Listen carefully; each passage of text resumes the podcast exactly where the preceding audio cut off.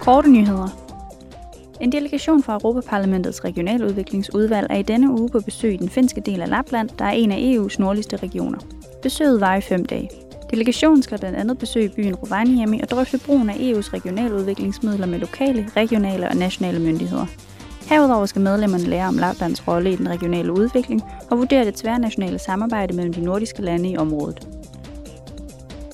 En delegation fra parlamentets udviklingsudvalg afslutter i dag sit besøg i Washington D.C. Formålet med delegationsbesøget er at samarbejde med USA samt den internationale valutafond, Verdensbanken, civilsamfundsorganisationer og tænketanke om kriserne i Afrika syd for Sahara og udviklingslandene i andre dele af verden. I dag og i morgen vil en delegation fra parlamentets særlige udvalg om covid-19-pandemien besøge Etiopien. I Etiopiens hovedstad Addis Abeba vil delegationen udvikle synspunkter med repræsentanter fra den afrikanske union, Africa Center for Disease Control and Prevention, Verdenssundhedsorganisationen WHO og Røde Kors.